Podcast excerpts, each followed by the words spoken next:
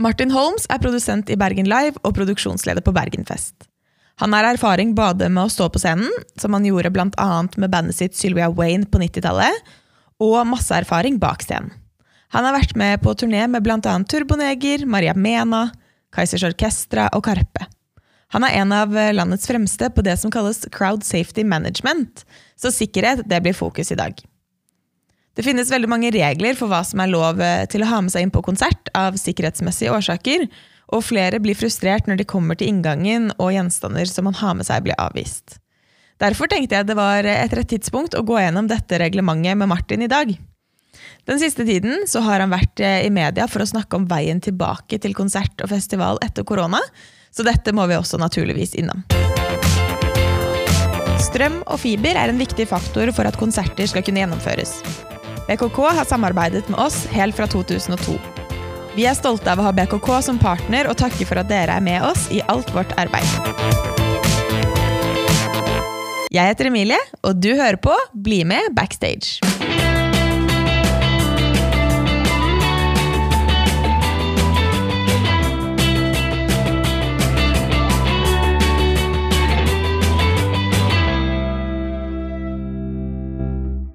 For dette er eneste to timene du får. Hva? Ok. Vel, vel. Velkommen, først og fremst. Tusen takk, Emilie. Musikken var jo en hobby som ble en jobb. Hvordan Ja. fungerer det, på en måte? Nei, det fungerer jo ikke. Altså, for, for min del fungerte det jo aldri. Altså, I den forstand at uh, det ble mer altså Musikken som i musiker fungerte ikke, men musikken som jobb fungerte etter hvert. Så det, Ja. Jeg skjønte jo det var jo, med, var jo med Sylvia Wayne. Vi skulle til England. Og så var det en av, Vi hadde fått noen penger. Vi, vi turnerte et par ganger i England eh, med det bandet. Og da fikk eh, Vi måtte reise to puljer. Og da måtte jeg lage Jeg husker jeg skrev ned sånn Gå på Bråtensflyet til- Stansted, eller hvor det var. Ta den tuben inn. Gå av på det stoppet. Ta to kvartal til venstre. Da finner du det stedet du skal, eller de du skal bo hos. Så Det var ikke noe Google Maps. Nei, det var ingenting. Det var, det var, det var, den gang skrev jeg sikkert litt penere enn jeg gjør nå, men da skrev jeg i hvert fall sirlig. Og da kom David som etterpå sånn her Shit, Martin, det, det, det, det hadde du evne for. Det husker jeg bet fast i den. Faen, ok, det var jævla stolt. Jeg ble stolt av at David sa at det, det der hadde jeg et hang for. liksom. Og så, han, at, jeg, jeg, husker det den dag i dag at de sa det, eller den gang. Og da ble det liksom til at hver gang det var sånne ting som skulle gjøres, var det meg som gjorde det. Så fant jeg ut at man hadde et, en, en nekk for de tingene der, og så begynte jeg å jobbe som typ det som vi kaller for backline-tekniker. Fordi at jeg kunne spilte i band sjøl, så kunne jeg rigge trommesett, jeg kunne rigge bassanlegg, jeg kunne uh, sette opp ting. og det, det første musikere tar med seg når de tjener litt penger, det er en som kan pakke ned for dem, for da kan de drikke fortere. Det var det jeg fant ut veldig kjapt. Eller Først var det lystekninger, for det skulle se bra ut, men så tok de veldig ofte med seg en backline-tekniker. fordi at det, jeg har tenkt på det så dumt som at da kan de gå i garderoben, så slipper de å tenke på å pakke bil. For det, det er liksom den første luksusen du får. på et vis. Så eh, jeg reiste jo ikke, altså, ikke- Jeg har ikke bare reist noen stilige ting. Jeg har liksom gjort masse rart opp igjennom. Altså. Jeg husker jeg var med på Stig van Eijk sin turné etter han vant Grand Prix. Så jeg husker også først sånn, først sånn ordentlig bygdet, eller sånn Norgesturneen vi gjorde. Ikke til forkleinelse, for det var som, der man reiste med liten produksjon. Jeg var med helt på slutten på Trang Fødsel sin turné. Så gjorde mye sånn der, det som vi kalte for DH-rock, distriktshøyskolerock. Så de reiste jo rundt i en, en, en buss og en henger. Uh, før jeg liksom begynte å gjøre uh, litt andre ting. Så jeg begynte jo med Kaizers ganske tidlig. eh, på eh, slutten av førsteplaten deres, 'Ompa til du dør'. Så var 'Ompa til du to tur', husker jeg. Eh, det, det var liksom den første gang jeg begynte å, å, å reise med et band av en viss kaliber. Som de, eh, der tror jeg man lærte enormt mye, både band og crew, underveis. Og fra, fra Ompa så gikk de over til Neste platen het vel Evig pint på, på, på, på cruisespråket, men det kalt for Evig pint. For det, det var så mye. Det var så mye. Men det var sånn, da skulle de reise med egen produksjon og sånn. og det husker jeg eh, jeg husker, Det er vel i, i, etter, det er, etterpåklokskapen og etter enkleste vitenskapen. sånn, så mange feil man gjorde den gang, men allikevel så, så, så bra de tenkte, på et vis. da. Eh, og samtidig som jeg jobbet med Kaiser, så var jeg mye i Oslo og traff min venn Asbjørn Slettemark. Eh, vi hang veldig mye sammen.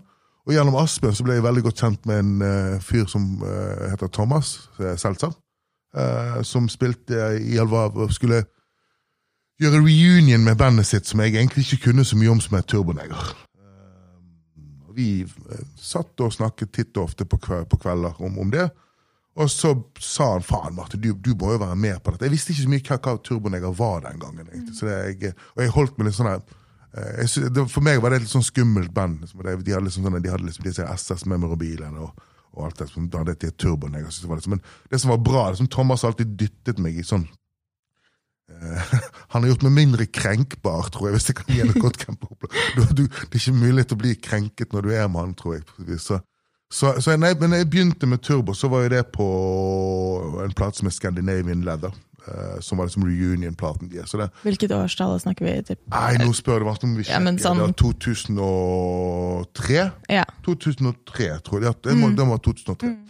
Hvis du spør kollegaene mine, så snakker jeg mye om den, den turneen der. Jeg snakker masse om i etterkant. For det at, da skulle da, Det var min første type store europaturné. Vi Ja. skulle ut i tre uker back to back. Ganske tung turné. Når jeg sier back to back, så du gjør show hver dag. Ja, hvor, hvor lenge er man på turné? Det er sikkert relativt, da, men ja. da var vi ute i, i Da var vi egentlig bare ute i tre uker. Men, Ja. men eh, det var en, eh, det var jo en dynamisk gjeng. ja. så, så det var Men er det, det, er det alltid typ tre uker man reiser, eller er det, kan det være liksom nei, herregud, altså, jeg har vært ute og sett det, det ene, jeg, jeg husker, Når jeg sluttet å liksom turnere, vi skulle hoppe litt, grann, så jeg fikk en diary, altså jeg fikk en sånn, jeg fikk en sånn forespilt en turné som skulle vare i 19 måneder. Altså, men det, Du skal jo hjemom, liksom. Ja, ja, likevel, det, det var sånn, Da fant jeg ut at det, det, det er ikke dette jeg har lyst til lenger, for det, Nei. det blir for lenge vekke. ja. Eh, men sånn tilbake til 2003-turen, så var det første gang jeg traff en, en stor produksjon med folk som hadde reist før jeg reiste, med, med gode venner av meg. Som Mm. Og hadde, da var din arbeidsoppgave da, var, altså, jeg, jeg, da gjorde jeg backline. Da, da passet jeg på Så jeg gjorde trommer. Jeg rigget trommene, som rigget jeg bassanlegget til trommer, så hadde jeg gitaren til, til gitaristen på, på scene venstre. ja. Uh, men det var, det var, det, jeg, kunne, jeg kunne jo absolutt ingenting hvis vi skal si være ærlig på det. Men da traff jeg da flinke folk som, som eh, veldig glad for å kalle noen av mine beste venner den dag i dag. Altså, jeg hadde med meg eh, Mortens storebror, som de kaller for Turbo. Det var morsomt. Mange folk trodde at jeg er mørkhudet som sto på ene siden, han het kaller Turbo så Turbo Neger. At, at de hadde satt det sammen, oss to, for at det skulle være en konspirasjon. Helt idiotisk, men det trodde folk. Eh, Hvem er folk? ja, folk, folk, folk, ikke, ikke folk. sånn kjentfolk. Nei, altså, sånn, det var sånn der, det, Vi har hørt at de, de tok to sammen fordi at han blir kalt Turbo, og du er neger. Turbo, det, enormt teit. Men, for de var, de var, men sånn var mytene rundt det bandet. Liksom, alle, alle trodde, Thomas var jo liksom han jobbet jo litt sånn med, med så Han var liksom sånn skummelt smart for folk. Så de trodde liksom alt med det bandet var kalkulert. Men det var jo det er godt mulig at det var det kaldt. Jeg, jeg drakk jo bare, så hva vet jeg. Um, men da traff jeg liksom, jeg husker det var Morten var med, og så var det en som het Jarle Kvalsund på monitor, og så var det Lars på Voldsdal som gjør madrugale på lyd. Uh, og så hadde vi med oss en som Fredrik som turnéleder, og en Tobias på lys. Jeg husker alle sammen veldig flinke folk, liksom. men alle de hadde gjort store ting før. Ja. Mens jeg rocket opp og trodde at jeg kunne noe, men jeg kunne jo det Man lærer mye av å bli kastet ute, da. ja da, men samtidig så litt sånn der, for jeg var litt sånn der, jeg hadde alltid lyst til å, å uh, vet du når ung, så hadde alltid, alltid lyst til å være en av de som bestemmer, men så fant Ja. ut at her har du ingenting å, å Men jeg husker den gangen at jeg, dette Du har noen sånne øyeblikk sånn her, faen, de her kan ting bedre enn meg, da må jeg lære meg dette for å bli like god eller bedre enn de. Og det, så det har alltid vært sånn driv jeg har hatt på, på, på, på, på jobben min. Men eh, du har vært på turné med eh, mange. Ja da. Vil du liksom nevne litt forskjellig? Altså, ja, det var Turboneger var det. Altså, da jeg da gjorde Turboneger, så traff jeg masse Du treffer masse folk på flyplasser. Ja. Og da traff jeg en, en eh, gammel kollega til Sigve Prestnes, som den gang jobbet i Stageway. Så spurte om vi begynte å reise litt for de, eh, som turnéleder etter hvert. Og da begynte jeg å jobbe for de, jobbet jeg, reiste mye med jeg gjorde Sivert, så gjorde jeg Madrugada. Eh, jeg har gjort litt Sondre Lerche. Jeg har gjort Maria Mena. eh, jeg har reist som tekniker med DumDum Boys, som var forferdelig kjekt. Eh, ja, masse. Nå, nå, jeg skulle pugget litt mer, men ja. Gjennom, gjennom, jeg prøvde liksom å gå litt sånn suksessivt opp gjennom hva det var. Så, så var det vel de som, som, som begynte. Det, det, ble, det, ble, det ble mye reisedøgn etter hvert. da. Så eh, jeg tror liksom på det verste, eller på det meste, så, så lå jeg oppe i sånn 230 reisedøgn i året. Ja. Da er du bare hjemme og bytter, bytter eh, klær, og så stikker du igjen. Liksom. Ja. Det var kjekt, det. altså. Det var, det var gøy. Det, men det kom til et punkt at det ikke var så gøy lenger. Så, Så underveis der, så, som sa, når jeg reiste med turboen, så traff jeg da Sigve. Sigve spurte da om jeg ville begynne å reise litt for de folka der, og så begynte jeg i et firma som het Stageway, som heter Stageway den dag i dag. Da reiste jeg masse, lærte enormt masse på to-tre år. Samtidig så Jeg hadde jo kjent eh, Frank Nes, som er sjefen min og kollegaen min i dag. Vi hadde jo alltid snakket sammen. men eh, For meg var det sånn at jeg aldri, aldri, aldri torde å gå og si til folk du, jeg har lyst til å begynne å jobbe her. Sånn, jeg hadde lyst til å jobbe i Grieghallen da jeg var ung, når jeg jobbet på garasje, men jeg torde ikke det. Jeg hadde kjempelyst til å jobbe i Stage, men jeg torde, jeg torde ikke å spørre folk, for jeg hadde ikke selvtilliten til det. på et vis. Men som Stageway spurte meg den gang, så jobbet jeg i, for de i to, to og et halvt år. Men så hadde meg og Frank snakket sånn hele tiden, pø om pø, eh, om, om, om, eh, om å kanskje begynne i Bergen Live. Men jeg tror det tok liksom to eller tre forsøk før, før vi endelig signerte den kontrakten. Jeg sa fra til eh, Stageway at jeg, jeg, ville begynne i Bergen Live. For det, jeg lærte masse i Stageplay, men det var bare meg som gjorde produksjon. Og så så jeg liksom de, de, folkene i Bergen som da gjorde jævlig store, flotte arrangement. Bergen Live gjorde de, det var jo de tøffeste guttene i klassen. Uh, så jeg ville jo veldig gjerne jobbe med de, pluss at de jobbet med Live Nation. Og jeg kjente jo masse folk i Live Nation fra, fra før Bergen Live. Uh, jeg jobbet jo med, med altså, Jeg kjente jo både Rune Lem fra før av, og, og en, en, en, enormt, en veldig viktig fyr for meg som nå er gått ut av tiden, som heter Robin Goodyear.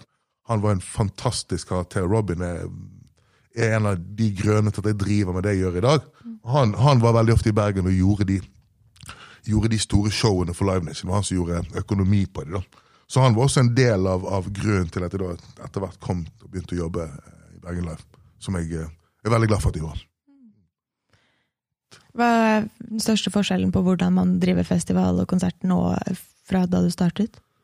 Er det effektiviteten? Masse, masse altså, altså, Det ene er jo selvfølgelig mm, erfaring, men det, det, det har veldig mye med sånn systembruk å gjøre, tror jeg. Uh, og det at folk er blitt altså, all, all, all, Alt er blitt proffere i løpet av de siste årene, kan ja. du si. Sånn fra, altså fra jeg begynte til nå, så er det som det man, man, man, har gjort så mye konserter, man, man har snakket mye mer. for det første, hvis jeg kan spole tilbake, så det, det at jeg har reist så mye som jeg har gjort, har jo lært meg Jeg har fått lov å se andre festivaler fra baksiden. Altså, jeg, har, jeg, har, fått lov å, å jobbe på Roskilde. Jeg har fått lov å jobbe på på Rockverter, jeg har fått lov å jobbe på Hurricane, de største festivalene. Så klart, da jeg kom hjem igjen til Norge og, og, og begynte i, i Bergen og Bergen Live, så tar man jo med seg det man har lært i Europa, hjem igjen. Og så prøver man liksom å gjøre det på samme måten her hjemme. Så det tror jeg alltid har vært en styrke for oss og, og de rundt oss, at en del av oss har vært ute og reist og sett hvordan for andre folk gjør det. Mm. Uh, og så må du liksom blande det med uh, det som er quirky for din festival. Liksom, for at Bergenfest er veldig rar, for det er inne på en festning. så du kan jeg, jeg, har, ikke, jeg har ikke en last til dere jeg har plass til ti lastebiler. Liksom. Du, vi må gjøre det på vår måte. Så det, ja.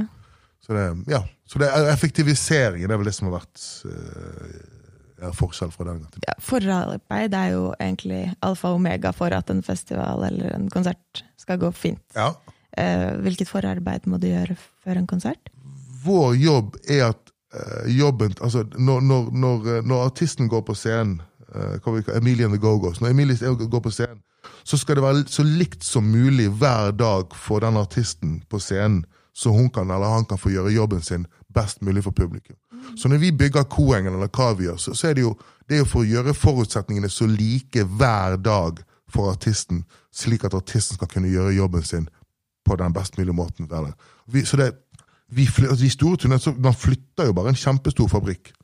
Vi, på de største turneene så er det jo da har du gjerne tre scener. så de, de store, de, du, du har med de, de stage-co-scenene, som vi kaller det. Det er jo, det er jo 16 semitrailere, bare eller lastebiler, bare det, med tolv mann fra Belgia som bygger den scenen. Det, og du har jo gjerne tre sånne scener, det, det vi kaller for leapfrogging. Så du, la oss si at du spiller i Bergen, så er det en av scenene, den, den kjører da til neste by.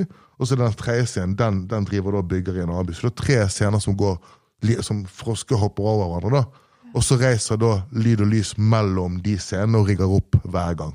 Eller så er det gjerne to, to ja, det vi kaller for en A-, B- og C-produksjon. Sånn så ja. så, så, men alt det går jo på det å prøve å presse inn flest mulig jobber for flest mulig folk, men samtidig skal det være likest mulig for artisten å spille hver dag. Så det er egentlig den eh, hva skulle du si, den, den helt sånn kliniske måten å forklare hvordan vi jobber på. Eh, I det siste så har du vært en del på TV, i aviser, du har vært veldig aktuell. Eh, du har snakket om koronasituasjonens påvirkning på kulturlivet. Ja. Eh, Og du har presisert veldig tydelig at du ikke vil rushe tilbake til noe gjenåpning, men at når vi først skal gjenåpne, så vil du ha en trygg plan. Eh, Hvordan tenker du at vi best mulig skal komme tilbake til vanlig konsertvirksomhet igjen?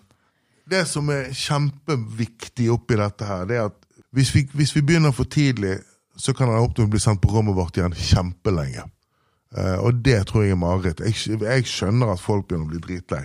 Uh, men poenget er at hvis vi Og det har jo fortsatt gjort i Norge flere ganger. Vi har vært på kjempegod vei til å uh, ha, en, ha det under kontroll. Og så åpner vi for å dra til Sverige, eller så åpner vi for å dra til Spania. Så får vi en fuckings lockdown. Så det er jo, det er et verdi Åpner opp igjen fordi at man ser folk bli lei, men de som har lidd mest, er jo vår bransje og restaurantbransjen og sånne steder. Så, men det som jeg er livredd for, det er jo at hvis vi åpner opp igjen nå, og så kommer det en tredjebølge som gjør at vi blir stengt ned enda lenger og enda mer. Så, så um, det som vi kaller for gjenåpningspremissene, det er jo flere ting. Det er jo, det er jo smittetrykket i samfunnet. Det er jo hvor mange som eventuelt blir vaksinerte. Eh, det blir og hvor gode hurtigtestene kommer til å bli.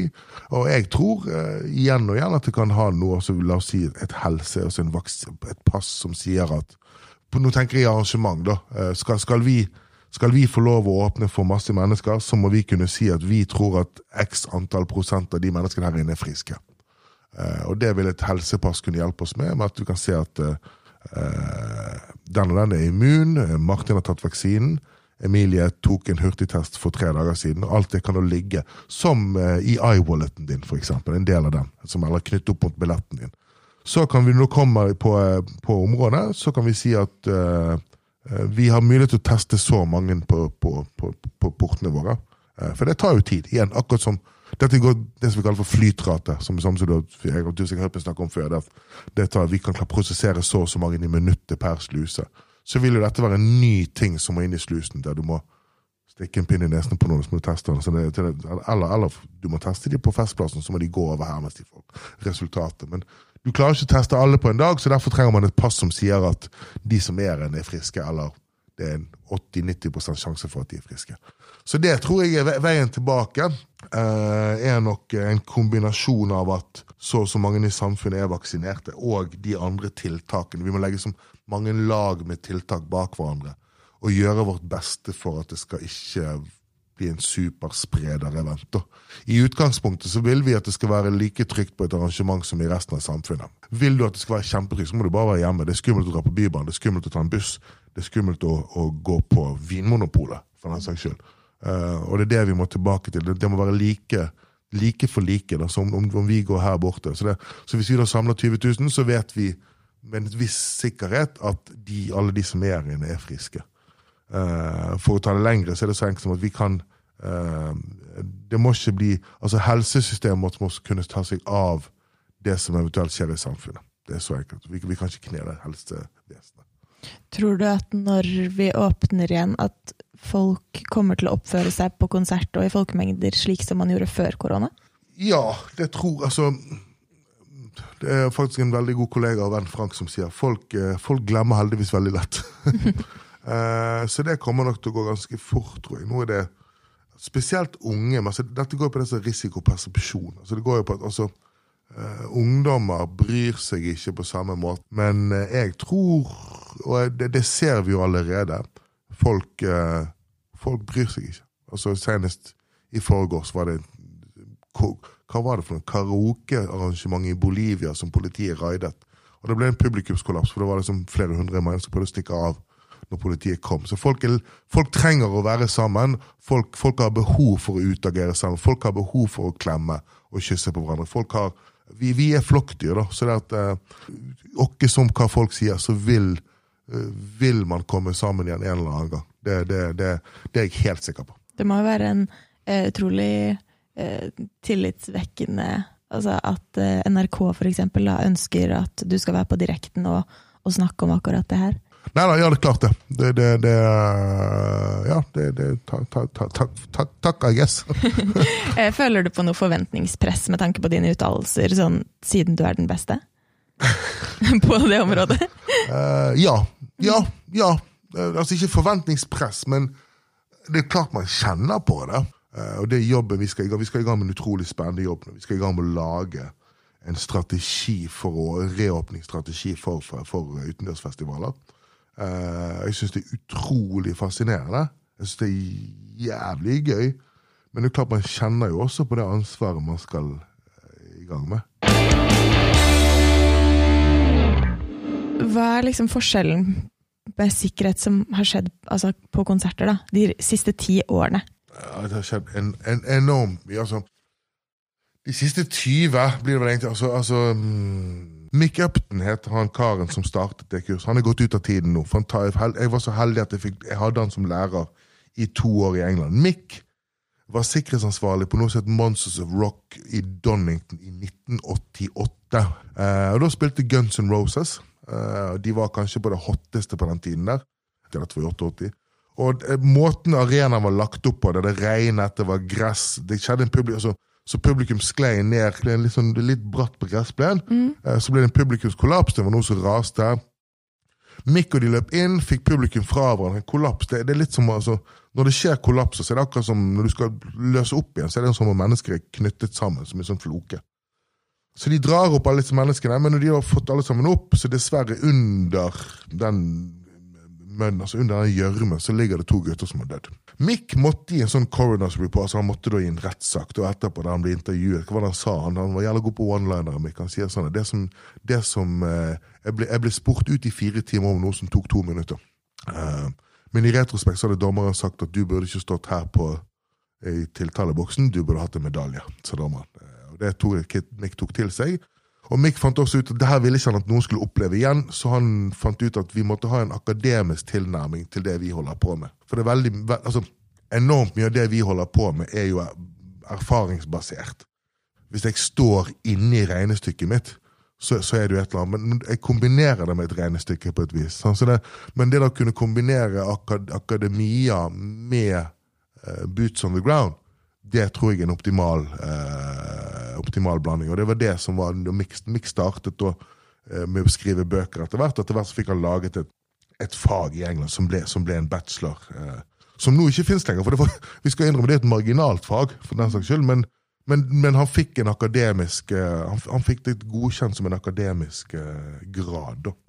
Så den, den, den graden er det vel bare 15 eller 20 mennesker som har i verden. Men å få lov å gjøre dette i tre år gjorde jo firmaet vårt jævlig mye bedre. Men det er også enormt raust at, at man fikk lov. Altså, ja, selvfølgelig, man la jo inn arbeidsinnsats sjøl, men jeg er jo kjempeglad for at firmaet lot meg få lov å gjøre det.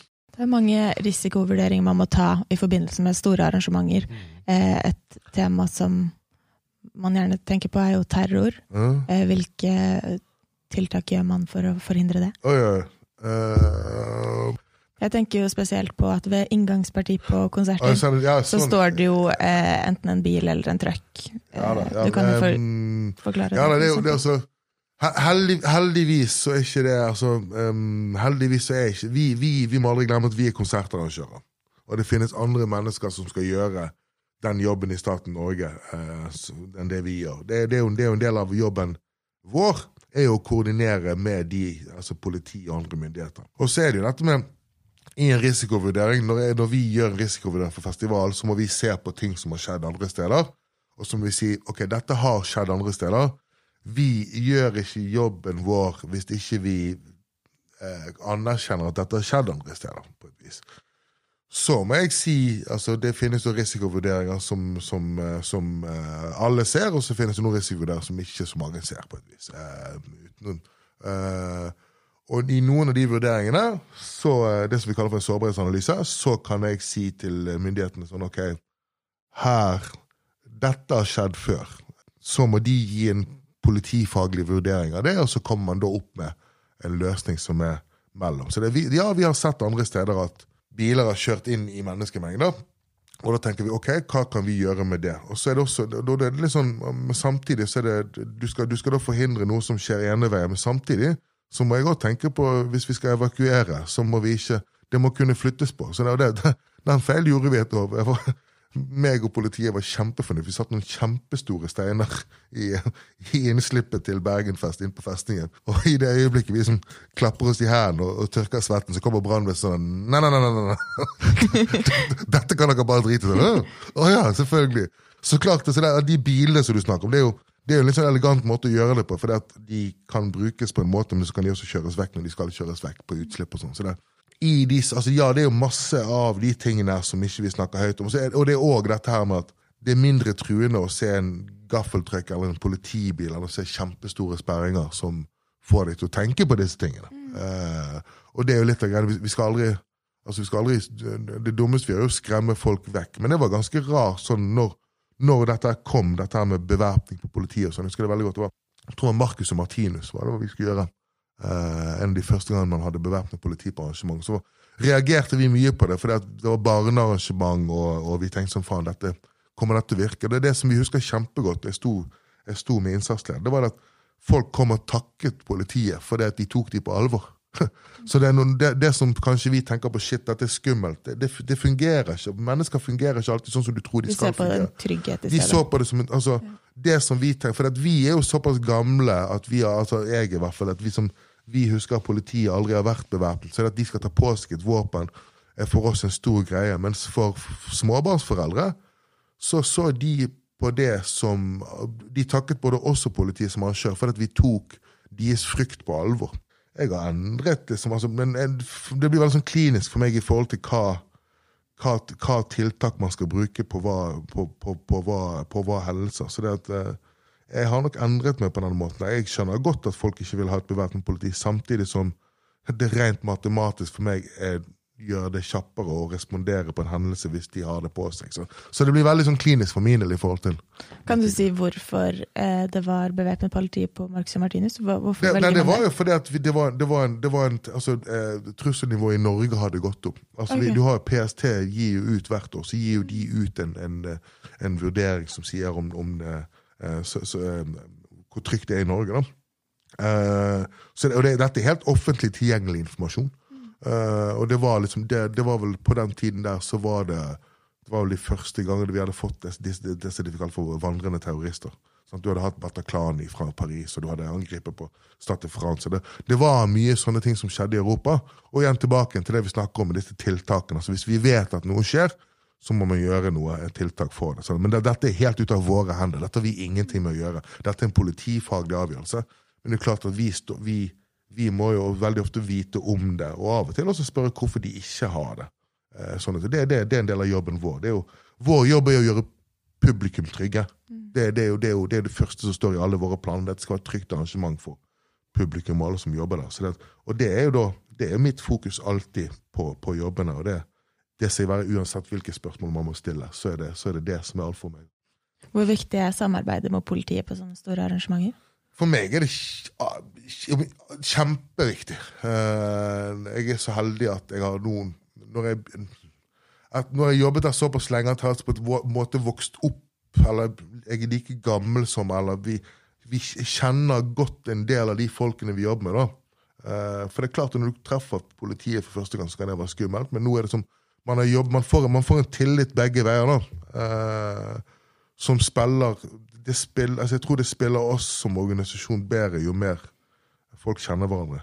Når vi, når vi, når vi gjør et stort arrangement, så deler vi planene våre med enormt mange instanser. Vi deler det med, med, med Skyss, havnevesenet, brannvesenet, politiet, Helse Vest. Så jo, jo, flere folk som vet, selv om de ikke kanskje direkte involvert i planene våre, men jo flere folk som vet om planverket vårt, og hva, hvordan vi responderer hvis noe skjer, jo bedre samvirke får man hit. Så når, vi, når det er konsert på Koengen, så står det skilt på veien inn fra Åsane eh, 'Unngå Bryggen', for det er konsert på Koengen. Det er jo en del av den samvirkeideen vi har med at hvis Vegvesenet får vite om dette, så kan de si ok, vi vet at det kommer til å være sinnssykt mye folk på Bryggen mellom klokken fem og klokken elleve. Så kan de, Det koster de veldig lite å skrive det på et skilt at 'kjør Fløyfjellstunnel' istedenfor. Mm. Så sånn, den, den eh, kollektive samvirket som kanskje ikke trenger å være i en plan, men at man deler planer og snakker åpent om planene sine, det, det, gjør, det, styrker jo eh, Bergen som, som by når, når, når, vi gjør konserten. Mm. Når man kommer på konsert, så er det en liste med gjenstander som man ikke får ha med seg på området. Mm. Eh, og noen syns jo dette er helt håpløst eh, til tider, Ja. eh, fordi de vil ha med seg spesielle ting inn. Eh, så det jeg tenkte er at vi kanskje kan gå gjennom denne listen, eh, sånn at man kan forstå hensikten med reglene. Ja, Eh, så jeg tenkte jeg bare kunne fortelle deg hva som står. ja. Go for. Er du sikker på at du har svar på alt sammen? Eh, ja. Ok, go for it. Det, det er litt morsomt, for jeg, har masse, jeg, jeg, jeg har jo mye venner som kommer til meg og skal kjefte meg på grunn av disse tingene. Og når de får vite svaret på det, liksom sånn, ok, de vil ikke vite likevel. Men uh, go for it. Kjør på. Eh, ja, jeg bare leser fra det som står på Bergenfest sine Ja. sider. Vi anbefaler publikum å pakke lett samt kun ta med nødvendige verdisaker. Vi gjør oppmerksom på at det ikke er oppbevaringsmuligheter på ved konsertområdet. Arrangør er ikke ansvarlig for utstyr som blir henlagt på eller utenfor konsert konsertområdet. Eh, første punkt. Stor bagasje. Sekker, vesker som er større enn et A4-ark. Vet du hva? Det er feil. Det skal være A3.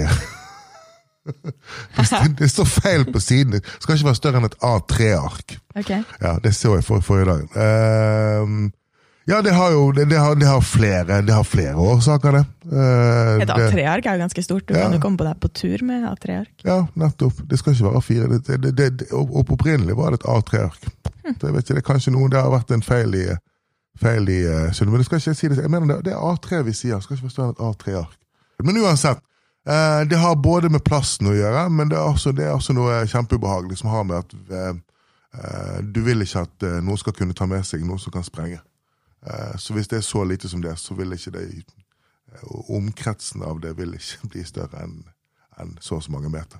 Så nå fikk du det svaret du ha, som ikke du ville ha. Eh, Stoler, krakker og lignende gjenstander, inkludert klappstol og tursekk med stol. Det har med at hvis noen begynner å løpe, eller et eller annet, så vil vi vil ikke at folk skal snuble i hverandre. Det vi kaller for en front to communication, en front to back communication failure. Så hvis noen løper og ramler framme, så vil andre komme løpende bak, så vil ikke de se det. Så du kan få en publikumskollaps ut av det, og, og det kan ødelegge for den evakueringstiden vi trenger. Foto, video, audioutstyr, Ja. iPader, GoPro, profesjonelle kameraer med avtagbar linse. Ja, Det har jo både med rettigheter og, og det med at du vil kontrollere din egen uh, appearance utad. Uh, og iPader er så enkelt som at det er kanonirriterende å stå med en Hvis det står en eller annen 50-åring foran deg og filmer konserten til uh, Stevie Wonder, så ødelegger det opplevelsen for de bak. Mm. Flasker, bokser eller, eller andre harde, skarpe eller tunge gjenstander. Det har med at vi vil ikke at artisten skal kutte seg på scenen. Jeg har vært på, jeg har jobbet med band der artisten har fått Vi måtte avlyse konserten fordi de har fått øl, ølbokser i ansiktet. Så må vi dra på legevakten og sy de istedenfor. Så det er rett og slett prosjektiler. Vi vil ikke at folk skal kaste dem på scenen. Våpen og våpenlignende gjenstander av enhver art, fyrverkeri, laserpenner. Den forklarer seg sjøl. Lommelykter, selfiestenger og droner. Lommelykter er jo igjen altså Det kan være både slagvåpen sammen med selfiestanger. Det kan også være Bortsett fra selfiestanger er jævlig irriterende i utgangspunktet. så, så kan det også brukes til å slå folk med. eh, Og det samme kan lommelykter. Laserpenner er jo Det kan skade øynene til folk. Det er et problem for flyplasser til og med. Så det er derfor. Tunge kjeder, kjettinger, reimer med spisse nagler. Kommer fra metal, men igjen slår folk de alt, alt du snakker om, det gjør jo vondt hvis du drar til folk med det. Det det som ja, Eh, Bannere, plakater, store flagg og paraplyer. blokkerer innsikten til andre folk som er på konserten. Drikkevarer, matvarer. Eh, Dersom du har særlige medisinske behov som gjør at du trenger å ta med egen mat eller drikke, så er det naturligvis greit å ha med. Jeg har jo både med at man har lyst til å tjene penger, og det at man ikke vil at folk skal ta med seg illegale substanser inn, som lommelerken eller annet. Det er jo alle, alle det, det er jo Vi lærer jo masse. Du vet, så, sånne eh, Veldig mye ungdommer i dag de, tar, de, de kjøper jo eh, pappflasker, så tar de bare ut innmaten, så legger de det på, på brystet. Spesielt jenter. Vi vet dere gjør det for å ta med seg sin egen drikke inn. for å fordi at det er billigere. Eller ta med seg sprit. Du aner ikke hvor mye Jeg skal ikke røpe alle triksene, men we're on to you all. Eh, hunder, katter eller andre dyr. Ja, det har ingenting på konsert å gjøre. Eh, ulovlige substanser. Besittelse av slik vil bli politianmeldt. Ja, Det sier seg sjøl. Det bryter norsk lov. Alt eh, annet som ikke er nevnt her, men som kan være til eh, seanse for øvrig publikum, utgjør en sikkerhetsrisiko eller er forbudt etter norsk lov. Egentlig det vi sier, det er ikke, vær et rævhold. Det er det som står der, egentlig. Men det, altså, det er jo synd, for det, altså, jeg skjønner noe av dette er sånn, men altså, det, det er jo det at man vil jo ikke altså, Og det lærer man igjen. Jeg husker det var, det var ikke, det var ikke, jeg, jeg var bærehjelp på Van Morrison på, på verft i sin tid, som skulle spille der nede. Og det var før man kunne bedre. Da var det jeg vet ikke om det var 1000-2000 mennesker der nede. Van Morrison skal gå på scenen, og så begynner det å regne. Og i det øyeblikket så er det 3000 paraplyer som går i været, så ingen ser noe, og så blør folk fra trynet. Du har stukket den forrige i, i ansiktet. Så det, det sånn, Et par av disse tingene er en selvfølge når du har sett dem i virkelighet. Så det er klart, det står det to, 20 000 mennesker sammen, så kan ikke du dra opp en paraply midt inne. For det første kan du stikke åtte stykker rundt deg på ansiktet, og så blokkerer du for 50 mennesker bak deg i tillegg. Da må du ta på deg regntøy. Don't be a dick. Eh, eh, Bergenhus festning er jo et militært område. Eh, gir det noen sikkerhetsmessige utfordringer?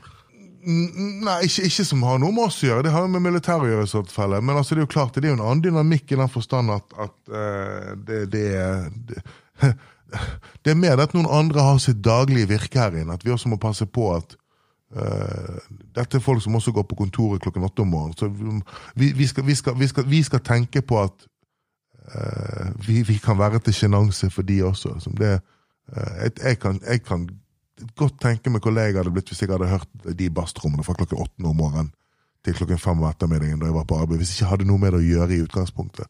Så det, nei, altså, det, det, det, hindrer ikke oss så mye, utover sånn selvfølgelig ikke lov å fly, droner her inne, noe som jeg synes bare er kjempebra, for det er et militært område. Men uh, i, i vårt daglige virke så har de, vi, vi har møter med de hver måned uh, og koordinerer de tingene vi skal koordinere. og sånn, Men, men utover det så har det egentlig ikke noen direkte innvirkning på oss arrangement, nei. Det er jo eh, det er to innganger kun til Bergenhus festning. Så med å frakte alt inn, så blir det en utfordring. Det må også bli satt opp, I og med at det er festningsmurer, så setter vi opp ekstra eh, rømningstrapp. Ja. Eh, så det er litt sånne utfordringer ja ja, som man Altså, tenker den, på. Den, den, konseptet med en festning er å holde folk ute. Det er liksom, det, er liksom Og da blir det også, dermed også sant, vanskelig å få de ut hvis, det, hvis, det, hvis de først er inne. Så det, det, er liksom, når når man sier det på den måten, så er det obvious. Men sånn, eh, disse rømningstrappene er jo fordi at vi, det er mer plass på innsiden av festningen enn det vi har eh, tid på. å få det. Vi, vi jobber ut ifra det som heter en evakueringstid. Eh, Hvis du husker jeg snakket om han Mick Upton i sted, han, han som eh, var læreren min, han sa jo det at eh, If you can't get them out, don't bother trying to get them in. Uh, og det er egentlig sånn, Får ikke du ut på den tiden du har sagt du skal få de ut på, la området gå. Det er ikke det vits i å gjøre. Og det, sånn var han. Var jævlig, han var jævlig god på de tingene. Uh, og da, når vi da, så Bergenfest er så fint som det, så var det jo det at før så hadde vi, plan, vi hadde lov å ha 6007 her. Eh, så fant vi sånn, ok, men da bygger vi en trapp da, for, for, for på den gitte tiden vi skal klare å få folk ut så må vi lage flere veier ut. Så, så fra nord har vi lov å ha 9000, men det, er jo, det får vi kun lov til når vi da bygger den ekstra trappen borti høyre for at vi skal kunne tømme området på, på den tiden vi har sagt vi skal kunne tømme det. Alt dette går egentlig på brannrisiko i forhold til hvor tid det blir for varmt i nærheten av et sted som blir for varmt, så må man kunne få det ut på en viss tid. Har du en favorittproduksjon du har gjort så langt? Alle som er ferdig. Nei uh, altså Det er favorittproduksjon altså, på Turné, så tror jeg altså, den siste turneen jeg reiste på ute med, med Karpe, det var en gøy produksjon å gjøre. Altså Vi skal tenke sånn uh, Fordi at han var, han var såpass stor, og så var det vi på såpass rare steder. Så det, det, det Men her, altså i Bergen, så vil jeg si at Bergenfest for meg er jo min favorittplass. Den, den er blitt såpass, jeg føler at det er blitt såpass bra, det produktet vi leverer i alle ledd. Det seg være fra de frivillige til, til spesielt kanskje maten bak, til den tekniske produksjonen. Og måten vi har løst Bergenfest på inne på festningen, så vil jeg si at jeg er enormt stolt over det vi har klart å, å lage her. Det må jeg si. Hvis vi skal snakke litt om eh, Karpe, hva, hva er det du gjør for Karpe? Karpe skulle eh, på forrige plate Det var egentlig Thomas Olafsen, en god venn av oss, som, som har kjent som også eh, var den som tok meg inn i Kaizers. Vi skal trekke det tilbake til den tid. Det var som spurte om vi ville reise med dem.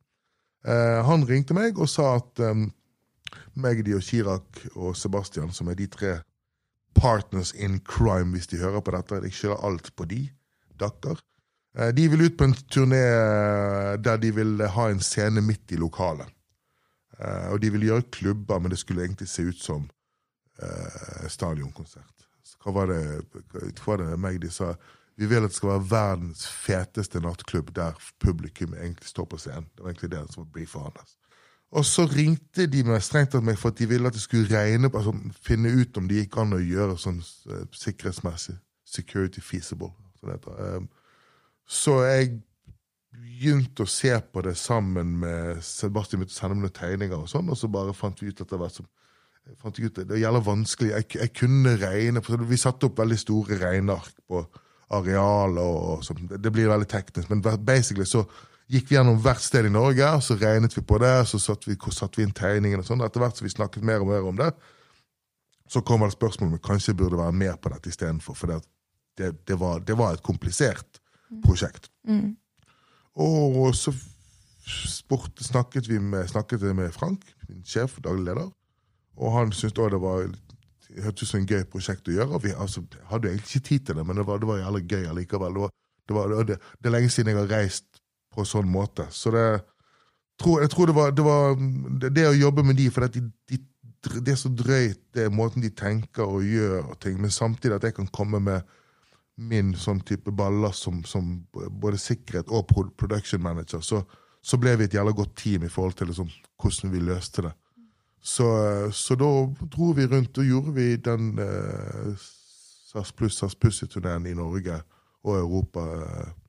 Og så har jeg egentlig jobbet med de litt av og på siden det. liksom. Mm. Ja, som du sa, så sto scenen midt i rommet. Mm. Og da kan man jo tenke eh, Artisten starter jo ikke på scenen nei. når showet starter. Nei, Hvordan nei. på en måte får man Det er mye kabaler som skal ikke, gå. Det, var, det, var, nei, det, var, altså, det, det, ble jo en sånn der eh, Det enkleste er alltid det beste eh, triks. For det, var jo, det er jo så enkelt som at Uh, når introtapen går så vi, det begynte, det, vi løper det gjennom løp gjennom publikum, egentlig. Men det var ikke verre enn at uh, Dette går på kommunikasjon med publikum. Det er ikke verre enn at jeg, en, en, når publikum slipper inn, så løper de til scenen. Da sto veldig ofte jeg med den scenen, og så snakket jeg med dem og ble venn med dem for å liksom, forklare dem uh, forklare de hva som kommer til å skje i løpet av dagen. Og så etter hvert så jeg, også, jeg kommer til å løpe gjennom her etter hvert. Eh, eller noe kommer til å skje her. Madi, madi. Så endte det med at det var noen vakter med meg.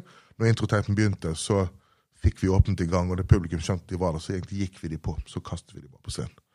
på et vis. Så kommunikasjon er egentlig Kommunikasjon er key på alt, ja. faktisk. Og det, det, det, som var, det, som var, jævlig gøy med den turneen, det var at altså, jeg, jeg, regner jo masse på ting eh, på show. Altså, jeg regner jo, altså, alt jeg gjør, er jo hvor mye tetthet er det her? Er dette farlig? Hva, kommer vi ha barrikader?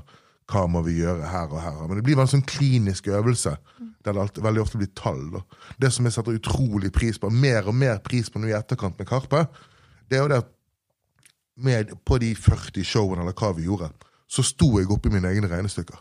Så jeg, jeg sto oppi det, det, som tidligere for meg bare har vært Excel-ark og sånn, mm. det står du og kjenner på. Og det er jo det, altså, Mennesker, det, det, er jo kjøtt. Det er jo, det er jo prompelukter, det er svettelukter, det er parfyme. Det er alt, liksom. Og det er følelser, og det er tårer, og det er alt mulig. Og da, du, du får liksom et annet forhold til Det var litt kjekt å komme tilbake igjen til jobben på den måten der, da, og faktisk stå i greiene. Men det er også det med å eh, Det gjør det jævlig mye bedre, for de sikkerhetsmarginene du har eh, Ikke at du strekker på dem, men du skjønner tallene dine på en annen måte. Det er ikke sånn at jeg sier at det skal være så og så mange mennesker per kvadratmeter, så stiller de seg opp som jeg vil. De gjør jo ikke det. De sånn, og når du har en scene, si sånn, når du har en scene i midten på et lokale der det er et band der alle har lyst til å være nærmest mulig det bandet, så dytter jo de seg så tett sammen at at det, det, det, det, er ikke det du lærer i tekst på, på skolen, for å si det sånn. Men det er på en måte trygt allikevel. Og så er det det med å, å, da være med som, som, ansvarlig og kjenne igjen de tegnene som gjør at det er farlig og ikke. Mm. Og det er også, og, og jeg tror liksom de siste årene eh, så har norsk konsertbransje, og spesielt kanskje hiphop-band, lært masse av dette med det. Det som vi kaller for showstop-prosedyrer. Dette med å stoppe showene hvis noe er gærent. For det, jeg kommer jo fra metal-verden, så vi, vi, har jo og, og, altså dette med Roskilde, altså de ulykkene som har vært, der har vi liksom vært dessverre, og kanskje bra også 10-20 år før hiphop. Hiphopen har begynt å ta etter mye av de tingene som metal gjorde på 80- og 90-tallet. Circle pits, for eksempel. Det som du sikkert har sett når de vil ha folk til å gjøre uh, The Wall. De løper, så Publikum løper mot hverandre, eller de får publikum til å løpe i, i, i sirkel og sånn. Dette er ting som kommer fra metal-bransjen på 80- og 90-tallet. Som nå hiphop fordi hiphop er blitt så stort som det er blitt, har tatt over. Det er jo publikumsinteraksjon på et vis. da. Men der som um, metal-band og metal-securityen har lært seg å se disse tegnene, der har kanskje hiphopen ligget litt etter. Og det tror jeg, i hvert fall i Norge, vi har klart å ta inn, spesielt via Karpe. Men også via sånn for det, Når du jobber med det ene, så jobber du i Bergen så du, før eller siden så treffer du alle disse bandene. Av en eller annen grunn så, så for, for, min del altså jeg, jeg, er så gammel at jeg henger mye med Jørgen og de fra Tungtvann. Altså det, hvis du kan, kan han kalle seg sjøl for uh, norsk raps grand old man.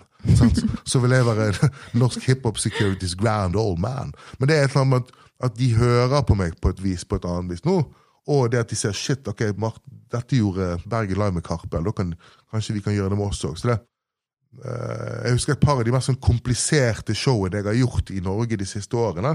Så har det vært hiphop. Jeg husker sånn in intensitetsnivået som var på, på Arif og Unge Ferrari på verftet. Det var ubehagelig, husker jeg. For det at Det er ikke til forkleinelse for bandene, men du har, du har gjerne unge artister som er hypp på å få mest mulig energi ut av publikum. Men så er det også et publikum som ikke skjønner at energien blir farlig.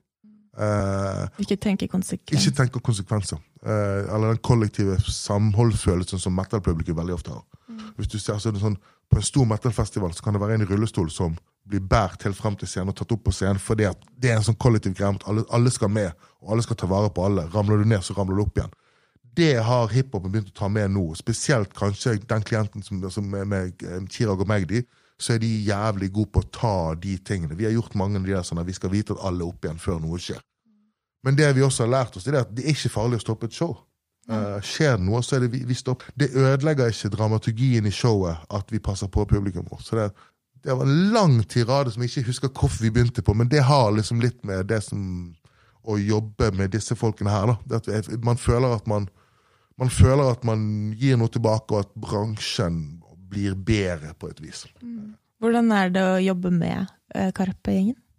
Det, det, er kjempegøy. Fantastisk frustrerende av og til, men utrolig gøy. Hva er frustrerende? Det, det, de, altså, jeg skal ikke si at de rabler galt, men det, det, som er gøy, er at du kan få, du kan få, uh, få et spørsmål. Uh, går dette an? Så kan ikke du si nei. For dette får du bare svar hvorfor ikke.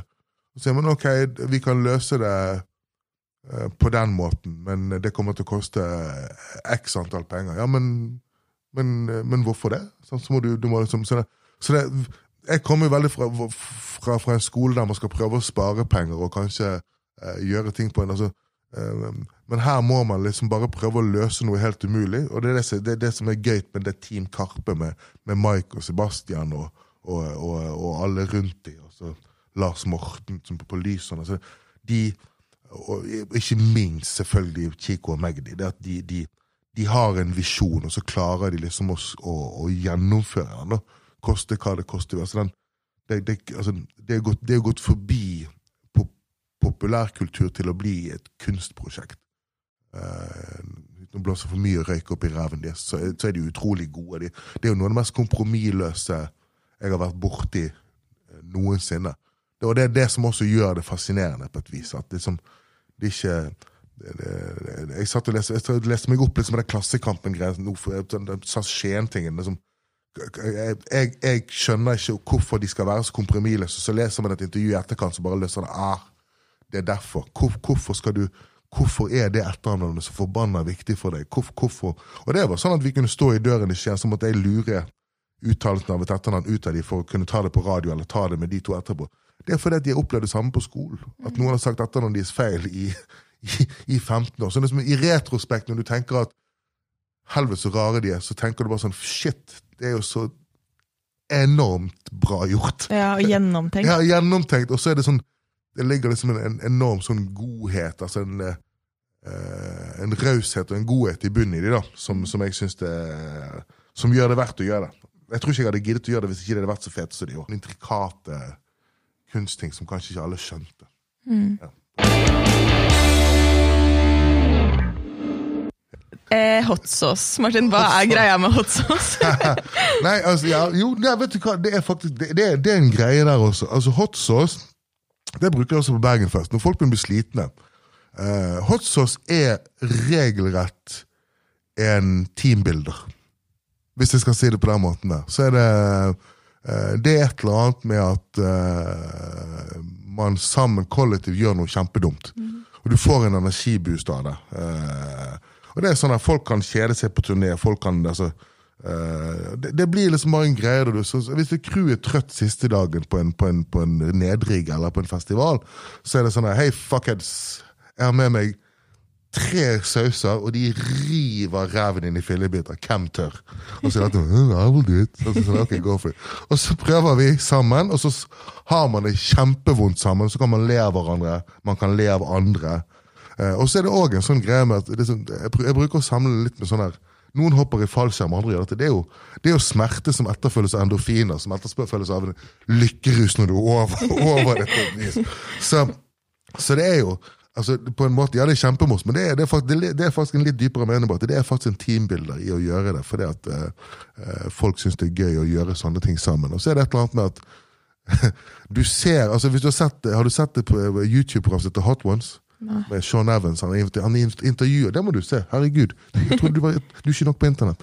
Eh, Sean Evans intervjuer all verden. De største stjernene, de lekreste og største stjernene i hele verden, blir intervjuet mens de spiser ti kyllingvinger som blir sterkere og sterkere. og sterkere og sterkere.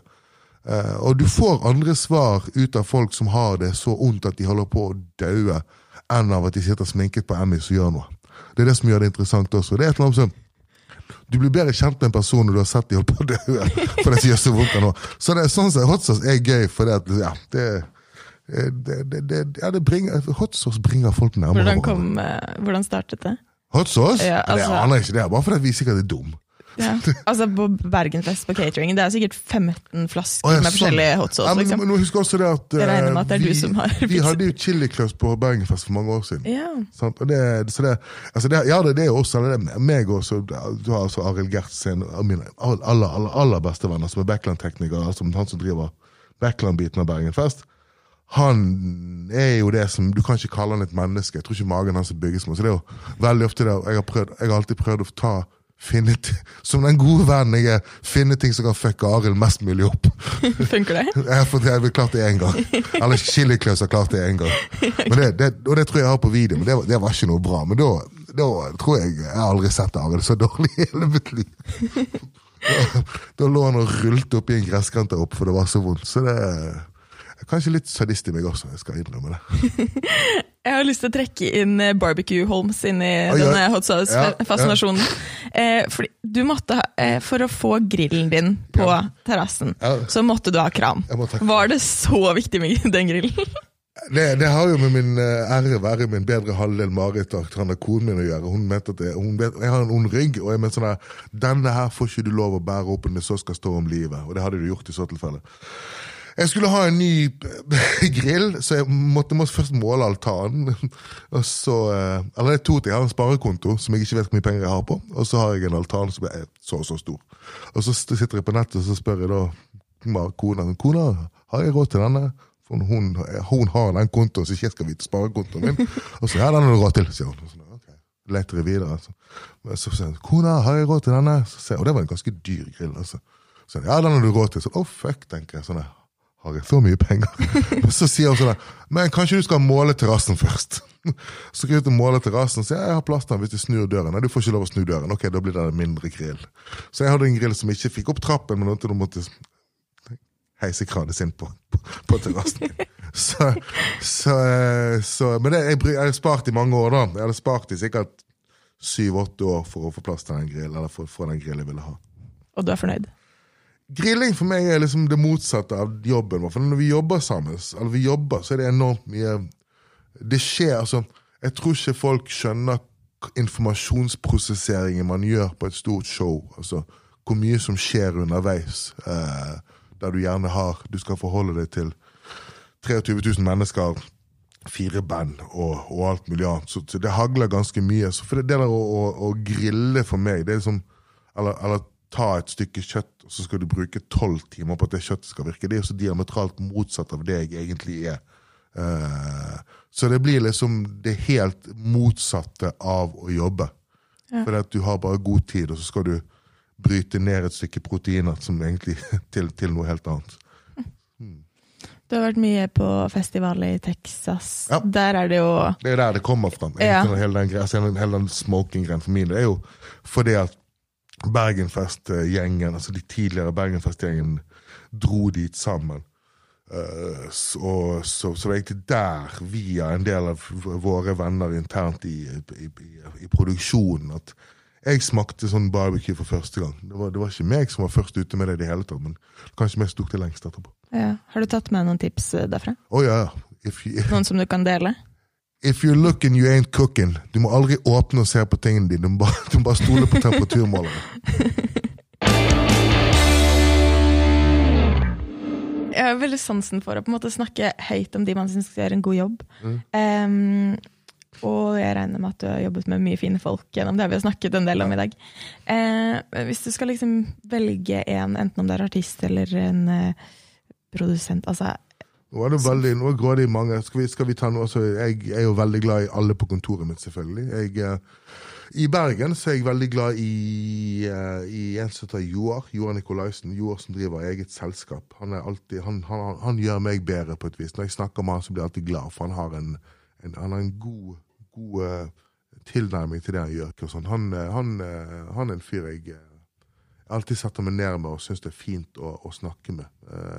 Men altså, det er flere. Altså, jeg, jeg, jeg er som altså, En av mine beste veier er Stein Tue, som jeg går på tur med. Han skulle, han skulle vært på podkast. Han er et levende musikkleksikon. Han er også en sånn fyr som, som laget festival i flere år eh, i Loddefjord og ga vekk alle pengene til den gamle skolen han gikk på. Så jeg er veldig glad i, i, i folk som, som er veldig sånn De gir enormt mye av seg sjøl uten å kanskje få kred for det.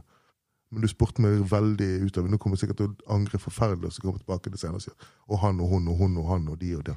Men, eh, men nei, spille ok, vet du hva, jeg, jeg står for den. Hvis man skal tenke på artist, da, sånn frontfigur, hvem er det noen du vil nevne da? Som, så, altså, som, som gode frontfigurer, som flotte mennesker. Altså, herregud, altså, jeg, jeg er utrolig heldig å ha fått jobb. Jeg er veldig glad for de jeg har fått lov å jobbe med opp igjennom. Jeg er utrolig glad i Maria. Maria jeg mener, hun har jeg jobbet med siden, eller jeg har kjent Maria siden hun var 13, tror jeg. Uh, hun, hun lever jo med, med hjertet utenpå seg sjøl. hun, hun deler, mange vil si deler altfor mye, men uh, man må aldri glemme hvor viktig hun kan være i de tingene hun gjør. Hun har en stemme som er utrolig viktig. Jeg vil heller aldri, altså Jeg er også enormt takknemlig for å få lov å jobbe med, med Chirag og Magdi, eh, som gjør ting så kompromissløst. Men så det ligger sånn eh, enormt hjerte i bunn for det de gjør.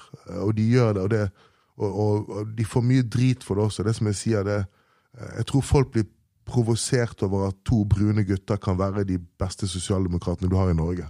Og det tror jeg plager en del mennesker innimellom. Eh, Men måten de gjør ting på, syns jeg òg er enormt fett. Eh, De er så greie at det frustrerer meg av og til. ja. Fint sagt. Kan ikke gå herfra uten å snakke med deg om den eminente duoen Trommer og Og vits. trommer og vits. Yes! Verdens beste band. Mm. Du og Ivar Persen Ja. eh, fra Enslaved. ja. Kan du fortelle hva er greia med Trommer og vits? Ingen av oss som vet. Eh, Hvordan oppsto Trommer og vits? Jeg, jeg husker ikke. Det var en eh, blurry del av uh, fritiden min. Nei, trommer og vits um, det, det var vel Pytten sin bursdag. Jeg aner ikke. Meg og, men meg og Ivar fant ut at vi har veldig hang for verdens dårligste vitser. Eh, noen vil kalle det verdens beste vitser, men verdens dårligste vitser. Så det ender eh, Trommer og vits-konseptet er vel at Ivar forteller en vits, og at jeg har et trommesett der jeg spiller Sånn. Jeg spiller padampist. Hm. Eh, så um, Og så er det ja, det er blitt en greie. Så det, jeg trekker tilbake. Jeg har lyst til å bli rockestjerne på å spille trommer og vits. Det kan jeg tenke meg. Selv om det er Ivar som pleier å komme med vitsene, kan du komme med en trommer og vits? Jeg kan ta den, den, den trommer og vits-vitsen som definerer trommer og vits. Men det er mer en gåte enn det er en uh, vits. Men uh, hva er det sunneste du har på frokostbordet ditt, Emilie? Hva er det sunneste på frokostbordet? Uh, Det føler jeg skal være et sånn logisk, rart, funny svar. Leverpostei i form. Ja. Men, Greit. takk, takk, takk for oss! Tough crowd. Ja. Nei, men eh, Bra. Da tror jeg vi, vi gir oss på topp. Takk, takk for meg. Jo, men Takk for at du kom. Bare hyggelig.